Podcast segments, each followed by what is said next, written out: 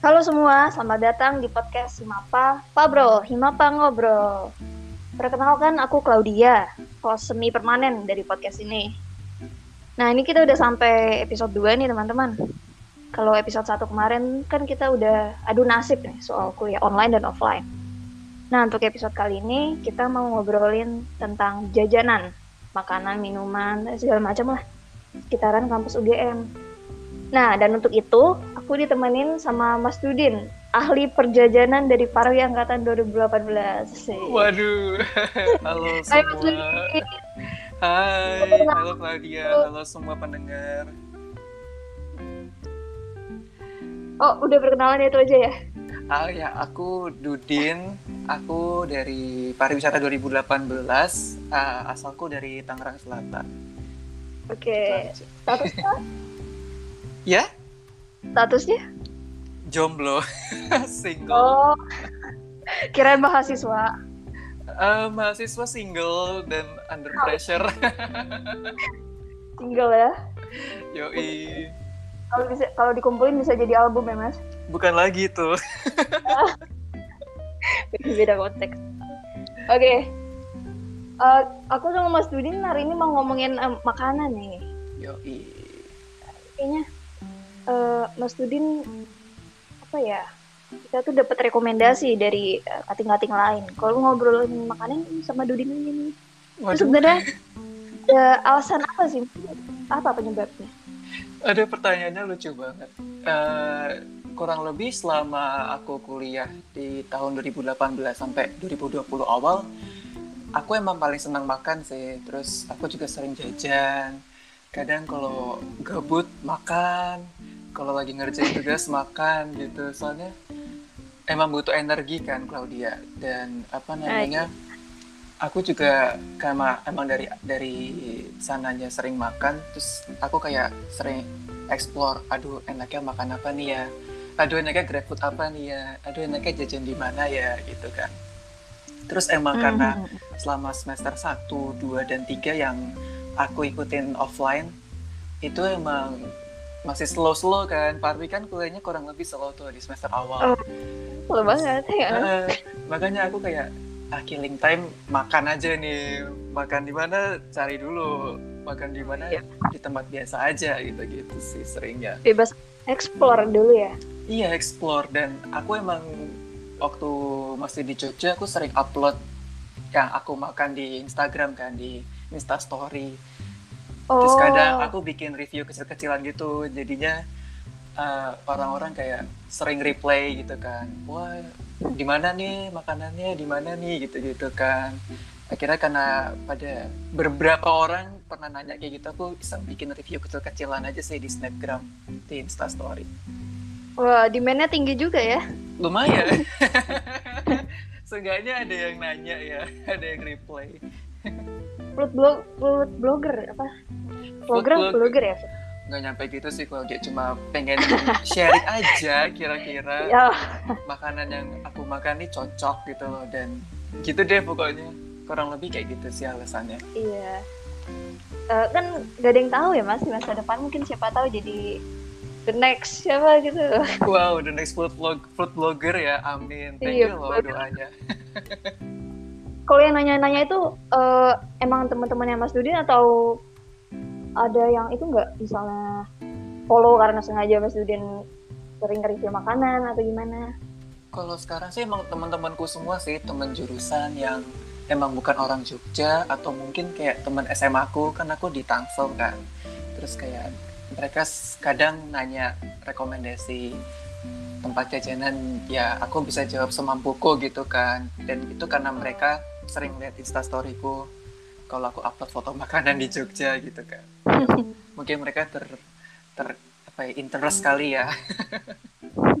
Jadi semi pemandu wisata ya, pemandu wisata makanan. ya elaborasi jurusan ya kalau dia. Oh iya. Oh iya benar ya. wisata jadi guide kan kayak apa sih board garis besarnya kan jadi guide gitu. Terus kayak ya udahlah let it flow aja walaupun emang gak jadi guide nggak sih Pelajaran bisa kita dapatkan dari mana aja kan. betul banget Nah, eh Mas Udin berarti sering ngasih rekomendasi teman. Nah, Cukup sering tuh. sih. Iya. angkatan 20 nih kan kita banyakan belum ke Jogja. Ada saran nggak yang paling wajib gitu misalnya? Hmm, mungkin kalau yang anak 20 anak 2020 yang bukan khas bukan dari Jogja, aku sih rekomendasiin makanan khas dulu kali ya. Mungkin kayak gudeg. Itu emang wajib dicoba sih buat apalagi buat mahasiswa-mahasiswa itu. Ya mungkin kayak kesannya basic tapi coba deh itu gudeg tuh beneran enak gitu loh. Terus Hmm. apa namanya? Gudeg yang enak tuh aku nyoba beberapa salah satunya ya paling enak gudeg Yujum sih Claudia gudeg Yujum tuh eh, kan cabangnya di mana-mana dan emang udah terkenal kan terus emang jadi ini request orang tua aku kalau aku pulang ke Jakarta minta dibeliin gudeg gitu kan dan emang gudeg Yujum tuh emang notabene-nya manis aku kan suka makanan manis kan dan emang Hmm. cocok aja buat aku yang suka sweet foods dan Kayaknya aku juga emang- pernah denger deh, Iya? di ujung ya. Iya, Claudia. Itu banyak banget Ya. sih cabangnya di Jogja. Eh di Jalan Agro masalah ada nggak ya? Di Jalan Agro ada eh, nama Oh di iya bener ya. Oh iya. daerah Kocoran ini dekat kalau kamu tahu McDonald Jagal itu ada apa? Gudeg Yujum juga. Iya. Berarti emang Mas Budi sebenarnya cocok ya. Manis. Cocok, cocok dan emang apa ya? Jadi makanan pilihan terakhir sih kalau misalkan emang udah mentok gitu mau makan siang apa. Kurang gitu Oh. sih. Oh suka tapi jadi makanan pilihan terakhir. suka tapi awalnya tuh ya awalnya kalau aku yang dari luar Jogja kan ah, pengen nyoba gudeg nih terus yang enak di Mhm. mana ya wah gudeg Yujum aja gitu kan akhirnya aku sering makan makan dan lama kelamaan apa namanya ya rada bosan juga sih. Terus jadinya ya jadi opsi kesekian kalau misalkan aku mau makan siang. Kurang lebih gitu sih. Oh oke oke. terus Selain sama gudeg? gudeg. Masih ada sih satu lagi rekomendasi aku namanya gudeg Bromo. Itu tuh di daerah Gejayan.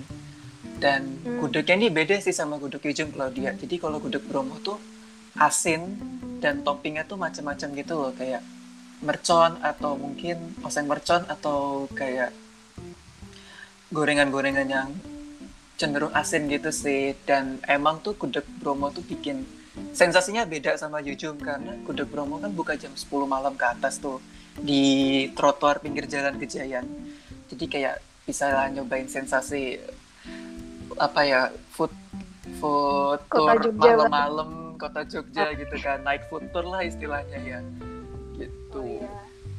Cocok nih yang untuk suka meromantisasi Jogja nih sekaligus makan gudeg.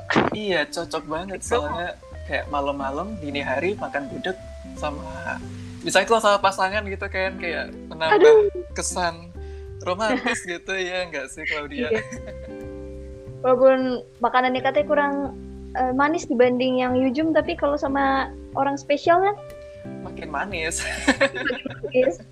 Auto manis itu makanan. Aduh, bukan lagi deh. Berarti ini alternatif untuk eh, orang-orang yang kurang suka kalau yang terlalu manis ya. Iya, soalnya kan emang beberapa temanku bilang kalau ah gudeg Yujum terlalu manis din menurut aku gitu kan. Terus aku ya coba explore lagi kan. Oh ada nih yang enggak apa namanya nggak asin eh nggak asin nggak manis tuh gudegnya gudeg promo saya aku pernah nyobain sih Oh, aku jadi ikut penasaran nih. Kemarin juga pas aku Jogja cuma beli gudeg yang Yujum itu. oh Dan emang manis. manis kan Iya, manis. jadi kurang, aku pribadi kurang cocok gitu. Nanti mungkin nanti aku coba gudeg Bromo tadi ya mas? iya namanya gudeg promo itu di Jalan Avandi sih kalau letaknya mungkin deket mungkin buat kalian yang tahu di deket Univ Salnata Dharma sih kalau nggak salah Oh, aku tahu, aku tahu. Ah, ah, ah, daerah sekitaran situ di trotoarnya. Mereka sih buka malam sih kalau dia kayak jam 10 malam tuh masih mulai apa namanya nyiap-nyiapin mungkin sekitar setengah sebelas sih udah ready gitu kan. Tapi berarti rame nggak ya misalnya turis yang mau eh, apa membeli untuk dibungkus gitu loh, bukan Oh. untuk dimakan di sana. Overall rame banyak yang dine in di sana sih. Dine in makan di sana Oh, gitu kan. Eh, soalnya kalau yang bungkus aku jarang lihat sih. Hmm, oh mungkin itu kali ya, jadi kurang jarang didengar ya, soalnya itu high demand ini- sih. Tapi emang kebanyakan makan di sana sih kalau dia Oh iya iya. iya. Jadi eh, kalau yang cuma asal asal lewat, jalan turis, jadi kalau mau nyobain makanan Jogja yang khas banget, tapi misalnya lidahnya kurang cocok makanan manis ini bisa cobain Gudeg Bromo. Ah, bisa bisa Selain itu nih, Eh, selain gudeg bergudeg kan? ah, ada ini sih eh, dari dunia mie kan ada namanya mie bakmi Jawa kamu pernah dengar nggak kira-kira Iya sering. ah bakmi Jawa kan emang banyak kan di Jogja kan terus Iya. aku pernah nyobain tuh bakmi Jawa yang enak namanya bakmi Jawa Pak Kadin atau bakmi Jawa Kadin tuh. Eh, daerahnya di dekat dekat Jalan Sultan Agung. Jadi tuh bakmi Jawanya itu ada yang rebus ada yang goreng kan tapi aku Hmm. uh, rekomendasiin yang rebus itu. Jadi kayak bakmi war kuahnya warna putih kental gitu sama dikasih telur bebek suwir gitu sih sama ayam Oh tuh bakmi salah satu bakmi Jawa yang recommended banget ya? iya itu emang apa namanya highly recommended buat turis-turis gitu sih dan aku pernah nyobain dan emang rasanya enak sih enak banget Hmm.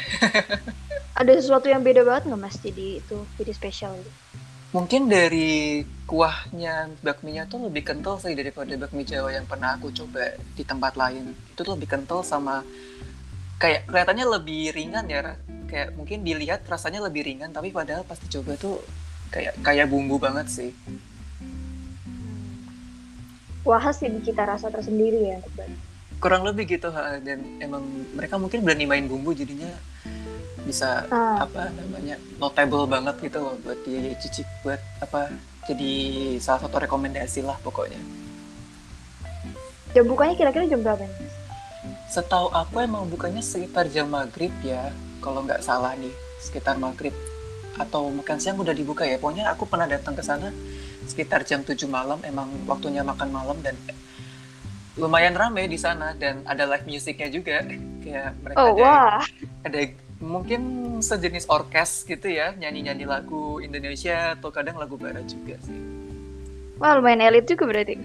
live music tapi tempatnya emang bukan yang apa namanya di lantainya marmer atau gimana enggak ya lebih kayak warung gitu sih kalau dia kurang lebih sih rumah makan biasa agak-agak Oh masih namanya? merakyat. Mm, masih merakyat dan emang khasnya lumayan khasnya itu sih ada live musiknya Oh iya bener-bener. Dan pasti kantong nggak? hmm kalau untuk bakmi Jawa Pak Mikadin itu menurut aku affordable sih tapi mungkin bisa sebulan dua kali dicicipin gitu sekitar 20 25 ribu Oh iya masih affordable berarti. menurut aku soalnya affordable Oh tergantung. relatif sih buat orang-orang tapi menurut aku affordable kok sekitar 25 20 20 ribu itu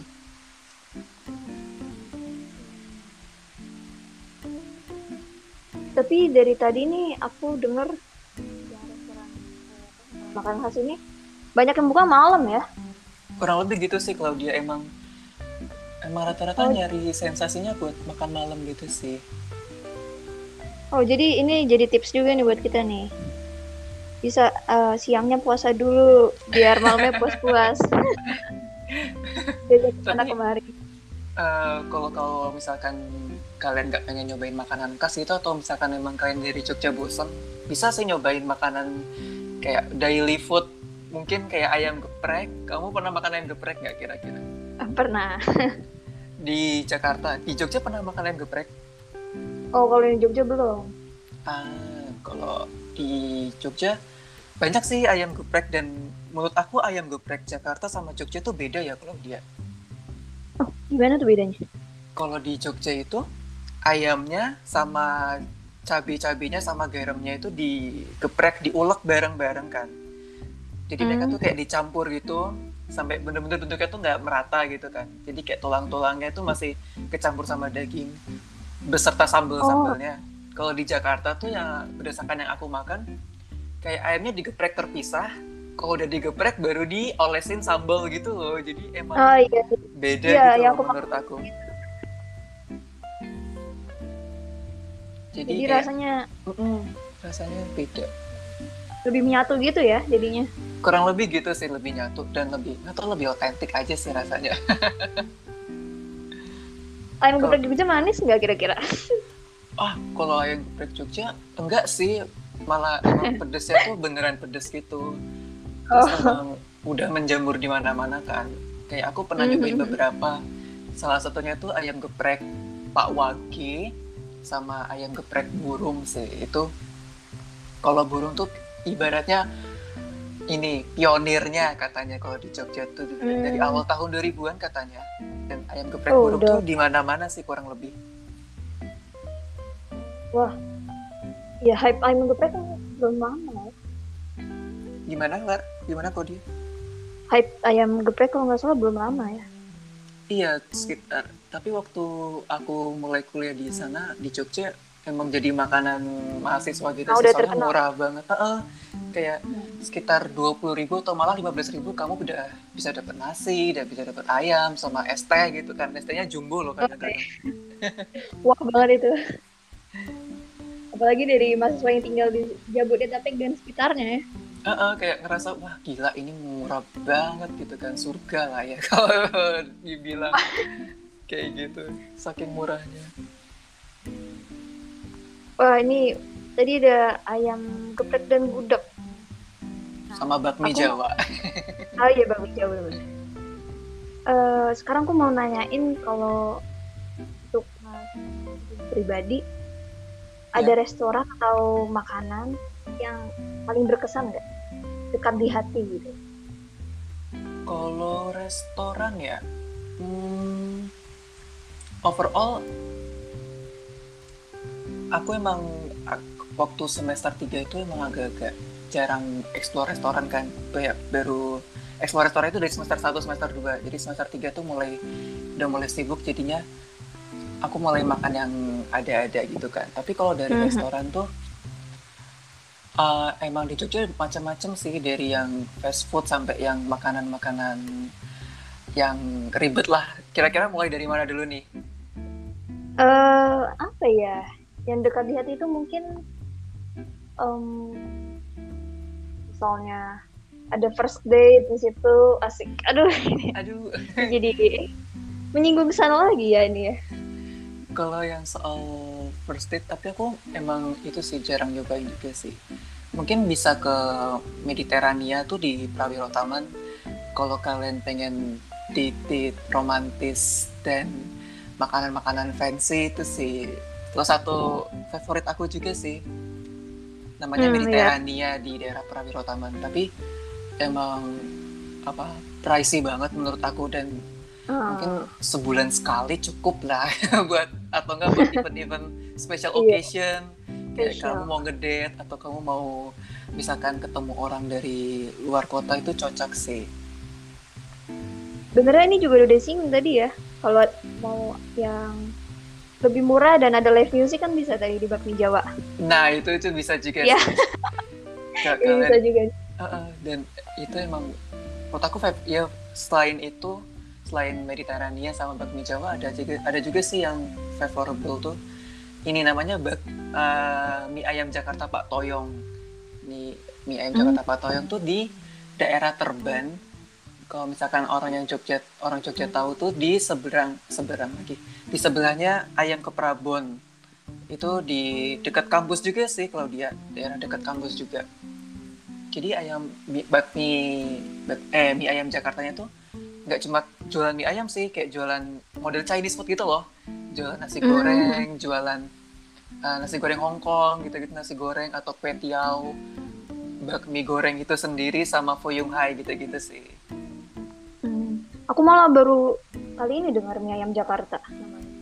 ah, aku juga waktu itu baru explore pas semester 4 awal aku diajakin temanku kan yang lain coba makan di situ dan emang ternyata enak banget di sana menurut aku enak gitu kan dan apa ya nasi goreng tuh porsinya banyak dan mereka tuh nggak nggak berminyak gitu loh nasi gorengnya jadi Hmm. itulah nggak bikin seret lah di tenggorokan Oh, oke. Wah, keren juga. harganya lumayan murah sih menurut aku start from 12.000 sampai paling mahal tuh 30.000 dan menunya tuh banyak sih yang aku sebutin cuma beberapa aja Tapi di sana primadonanya emang mie. Eh, kurang lebih buat mie goreng sama kue tiaw sama nasi gorengnya sih itu juara banget aku nyoba kue tiawnya tuh enak banget sumpah Kue tiaw, oh itu ada pilihan kan kue tiawnya? Ah, banyak. rebus atau goreng? Ah, ada kalau nggak salah ada rebus sama goreng terus nasi gorengnya macam-macam buat mie gorengnya juga toppingnya macam-macam kurang lebih gitu sih Kalau makanan seafood, jadi enggak. makanan seafood itu bisa juga sih jadi kayak mereka tuh jualan model-model ayam goreng tepung. Eh sorry sorry. Udang goreng tepung sama cumi goreng tepung gitu-gitu. Kayak cumi yang bentuknya ring gitu kan. Digoreng tepung tuh Oh, sama asam juga- manis. Ah, ada juga sih. Oh, di Pak Toyong Pak Toyong tadi itu.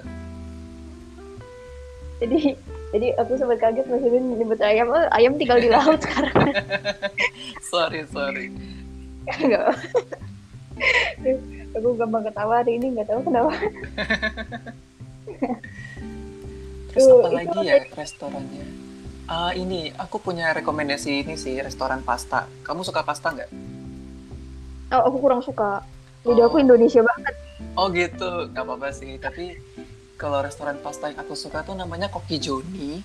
Ini di daerah hmm, daerah Terban. Kamu tahu, kamu pernah ke Mirota kampus nggak? Pernah Atau- lewat depan. Pernah lewat kan? Nah, dekat dekat Mirota kampus tuh ada restoran namanya Pondok Cabe dan di dekat restoran itu ada gang. Jadi emang agak harus agak effort agak effort sih buat jalan ke sana. Namanya tuh Koki Joni, dia tuh jualan pasta modelan spaghetti sama fettuccine yang bolognese atau carbonara gitu-gitu kan. Dan itu tuh uh enak banget. Menurut aku tuh porsinya tuh banyak dan sausnya tuh creamy gitu kan.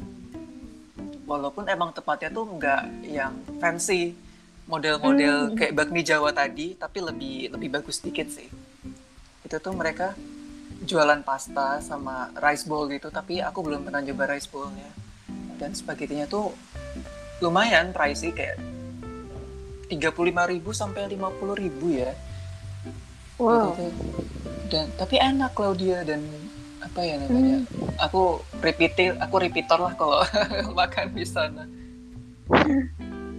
Sering sana ya berarti ya Mas?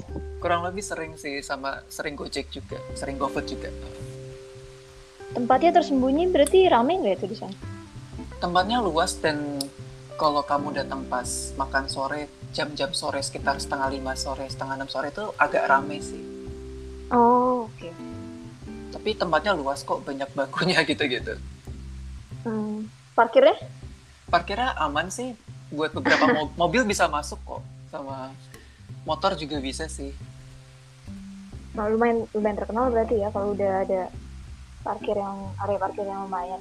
Mm-mm, kurang lebih udah lumayan terkenal sih. Kalau untuk tempat makan yang andalan akhir bulan, akhir bulan wah banyak sih. Itu Claudia. Emang overall Jogja tuh murah-murah sih menurut aku makanan Jogja tuh murah sih. Dan apa namanya benar-benar bisa dicari dari yang dari wilayah dekat kampus itu tuh mungkin makanan akhir bulan bisa dari kantin di dalam kampus dulu kali ya. Oh iya bisa bisa. kalau dari kantin dalam kampus tuh di Bonbin itu tuh ada aku nggak tahu sekarang masih ada apa nggak namanya Yupar. Jadi itu kayak jualan nasi rames gitu isinya lauk pauk kayak orek tempe atau kangkung atau gorengan kayak tempe tahu gitu-gitu tuh dan mereka sepuluh ribu tuh udah dapet dua atau tiga lauk sama ini sih sama air putih sih itu di kantin Bonbin Wah. Lumayan banget di situ. Uh, dan emang ini sih high high demand banget lah kalau buat mahasiswa itu kan soalnya kan Oh, selalu rame berarti ya? Uh, full rame. Ada yang mereka cuma buat killing time nunggu kelas atau emang misalkan mereka pengen ngemat itu tuh bisa tuh makan di Yupar Yupar itu di kantin Bonbin di hmm. daerah ini seberang seberangnya psikologi. Pokoknya daerah Sosum deh rumpun Sosum tuh. Dan emang cuma ada di Bonbin ya mas?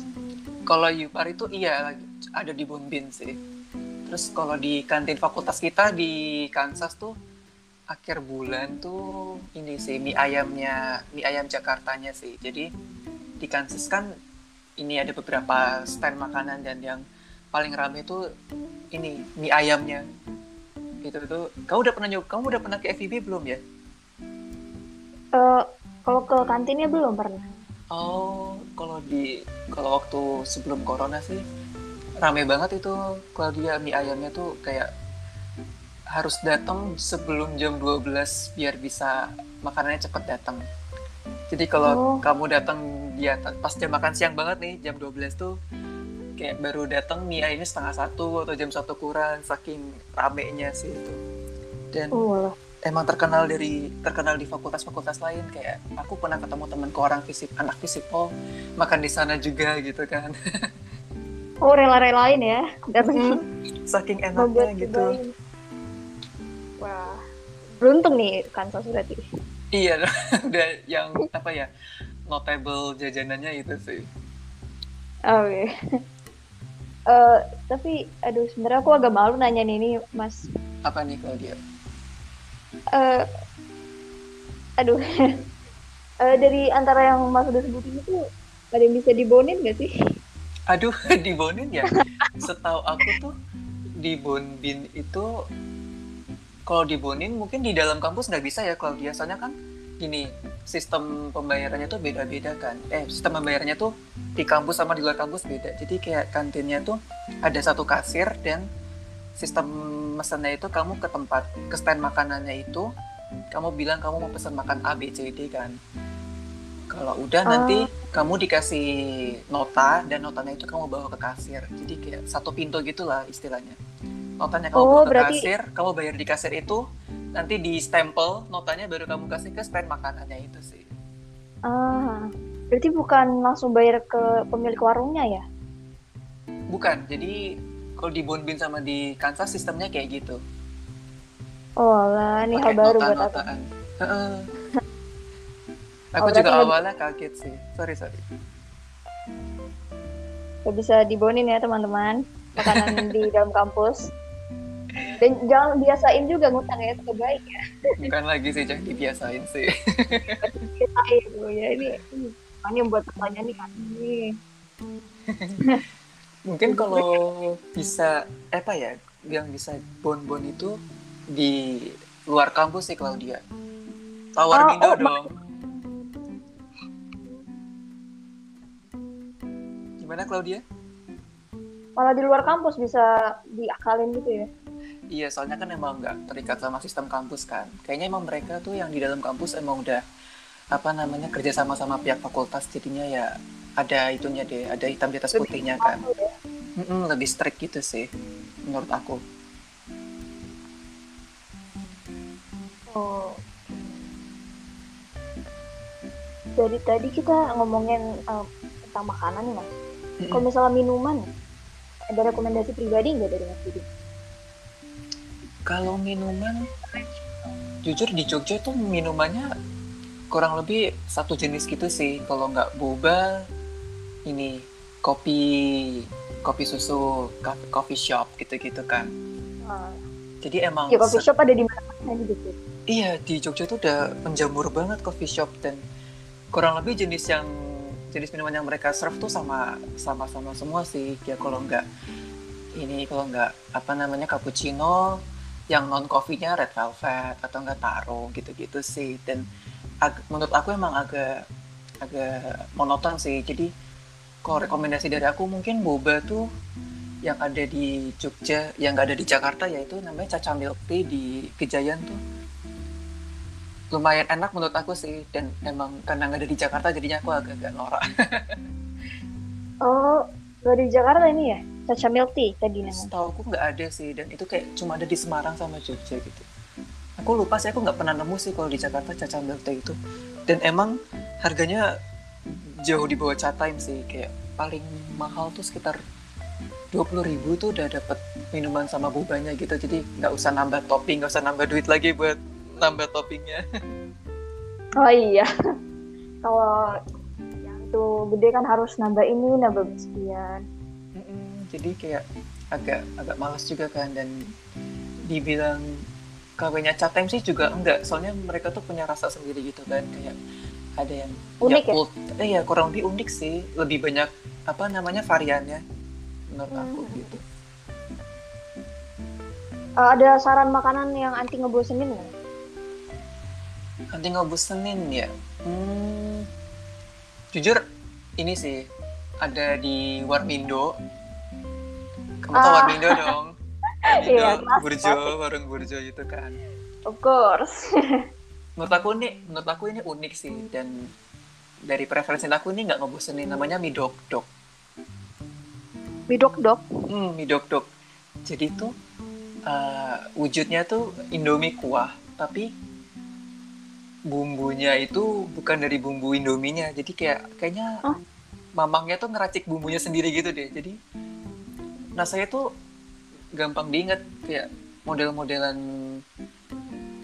Indomie yang pedes tapi bukan samyang tapi itu kuah gitu loh kalau dia susah dibayangin hmm. tapi kalau kamu pertama kalau kamu nyoba menurut aku kamu bakal ketagihan sih. Tapi jangan sampai sering-sering ya.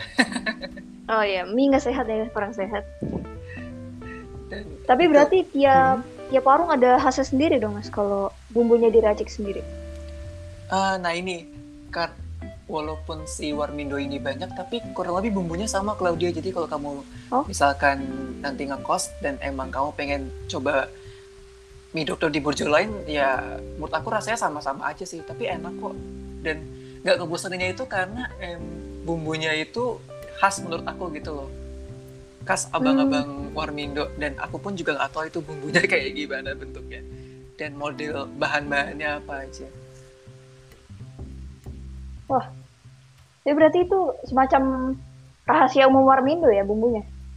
Bisa dibilang gitu dan kalau misalkan kamu bosan nih nyoba, kalau misalkan kamu bosan ke Warmindo atau ke Burjo makan Indomie atau makan nasi goreng atau nasi telur tuh kamu coba kamu bisa sih nyobain mie dok dok ini. Mm-hmm. Oh, mas sebenarnya agak random tapi aku tadi kepikiran di uh, soal-soal ngobrol uh, eh, yeah. pernah nyobain itu nggak mas? Di gelas tapi cara tuh yang disebut pakai air panas direbus oh Ada kayak makeup gitu ya iya makeup hmm, kayak gitu overall aku belum pernah aku belum pernah nyoba sih oh, so belum. far belum pernah nyoba dan semua orang yang ini juga belum pernah sih oh iya sih emang aku juga belum pernah nyoba sih dan emang di Warmindo tuh rata-rata Indominya ya Indomie biasa gitu loh kalau dia ditaruh di yeah, mangkok yeah. tambahin topping telur sama sawi gitu-gitu yeah, aja sih. Makeup ya? Kalau makeup aku jarang nemu sih, jujur aja. Hmm. Dan itu bisa buat ngebon loh kalau Mindo. Ah iya. kong kali kong aja sama ininya, mas-masnya atau sama akangnya. Mereka tuh jarang dipanggil mas sih. Kayak kalau kamu ke oh. Warmindo tuh panggil aja mamang, mang gitu kan. Atau AA, oh. AA Burjo gitu. Soalnya rata-rata emang orang Burjo tuh bukan orang Jawa kalau dia. Jadi mereka kayak orang Sunda dan mereka tuh bikin oh. usaha gitu di sana. Jadi kalau kamu tips nih dari aku kalau misalkan kamu pengen lebih akrab ya sama penjualnya bilang aja AA A. Indomie hmm. satu gitu-gitu. Oh ya ngomongin mie uh, mesti ada resep sendiri nggak kalau masak? Gimana Claudia?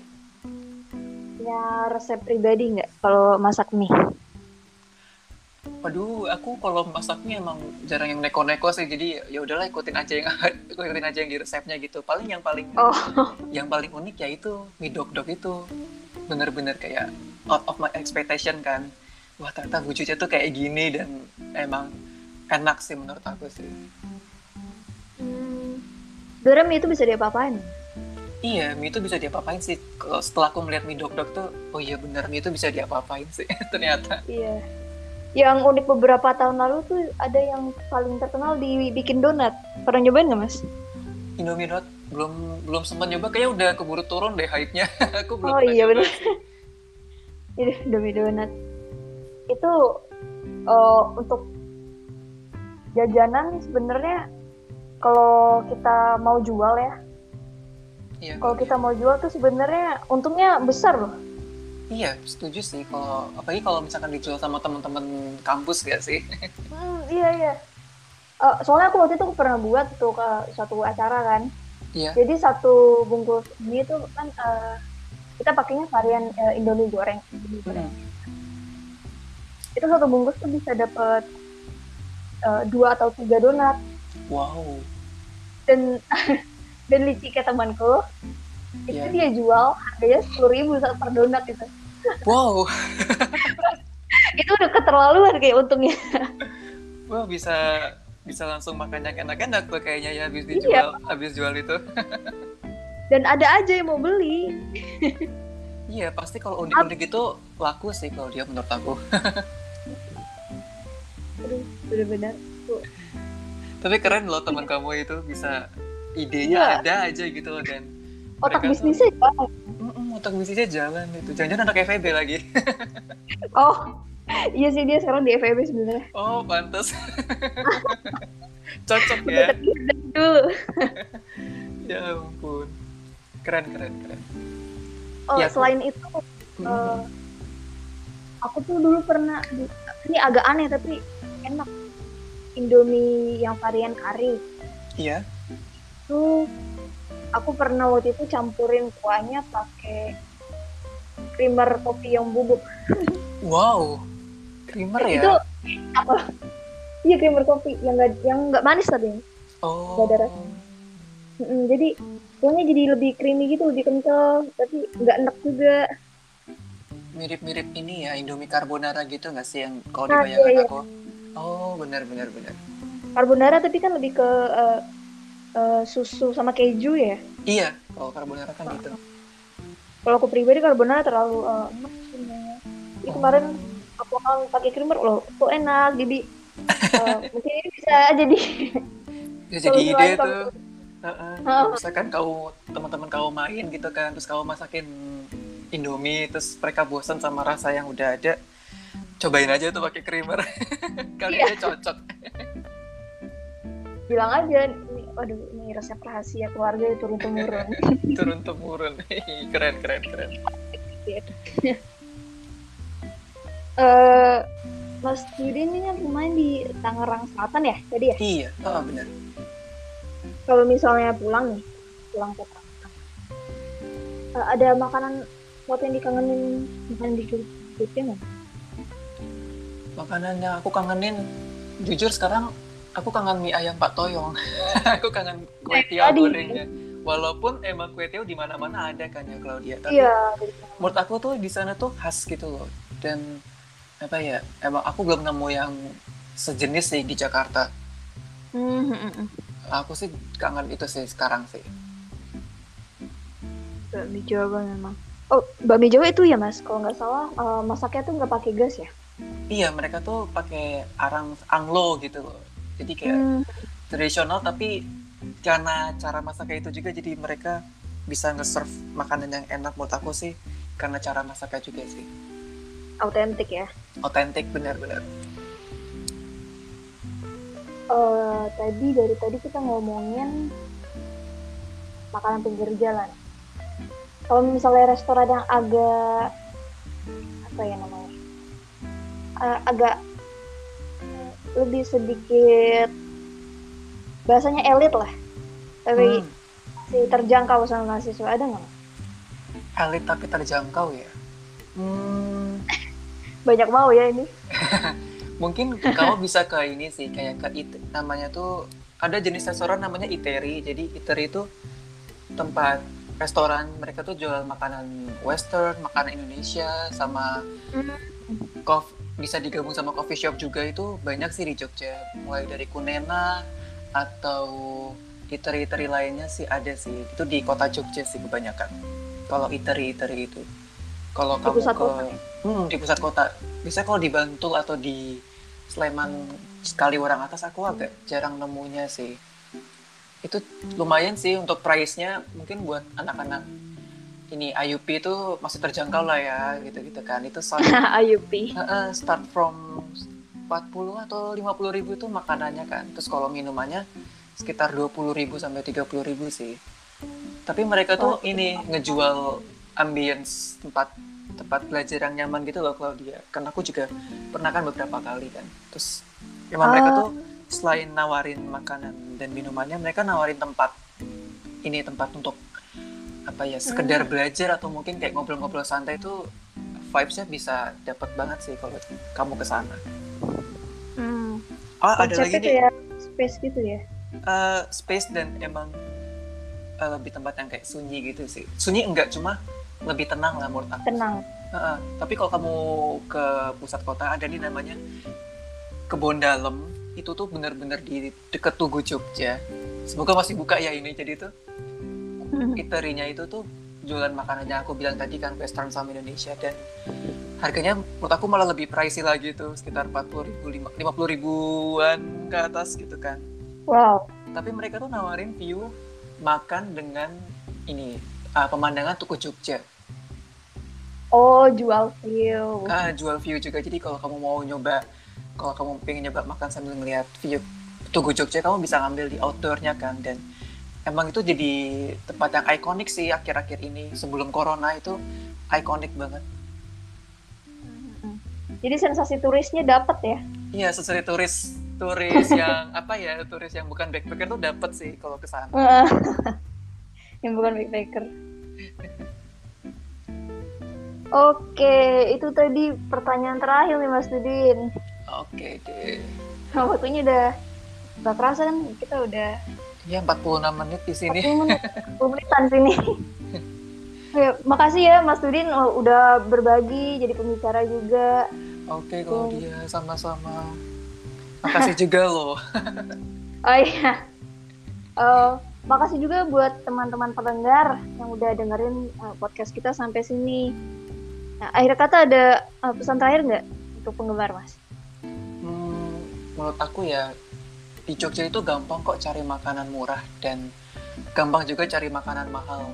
Kalian bisa ke Nah. Warmindo, bisa ke Warteg atau bisa ke ini ada yang belum aku sebutin satu sih nyelip dikit ya namanya tuh Iya, olive. Kalau kalian kalau kamu tahu juga ayam olive tuh jadi kayak bener-bener replikanya KFC dan itu tuh affordable banget. Paling mahal tuh cuma 15.000 ribu dapat ayam yang Wah. ukurannya dada sih Wah, bener-bener. Kalau kamu bayangin ayam KFC ya itu. Ayam olive KFC KW ya? KFC ah, tapi rasanya nggak ini nggak kalah sama KFC sometimes malah wah ya. sometimes tuh bisa lebih enak gitu loh kalau kamu makannya Wah pilihan dalam kondisi tertentu.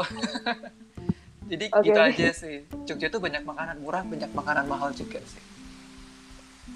Tinggal kita pinter-pinter nyarinya aja ya. iya tinggal pinter atau preferensi kalian aja. Kalau kalian pengen emang makan yang sering makan yang fancy-fancy ya it's up to you gitu tapi kalau kamu emang pengen Mhm. meraket juga banyak kok pilihannya gitu nggak usah susah-susah dicari gitu sih gitu menurut aku Oke, thank you Mas Dudin. yoi Claudia Oke teman-teman, kalau teman-teman pendengar merasa terhibur dengan podcast ini, eh, jangan lupa ya support terus biar Himapa bisa mengeluarkan episode-episode baru dengan tema yang seru dan tidak kalah fresh. Eh, kalian bisa komen di IG himapa.ugm, himapa.ugm, untuk menyuarakan support kalian terhadap podcast ini. Stay tune untuk episode lain yang gak kalah serunya. Akhir kata, sampai ketemu dan jangan lupa bahagia.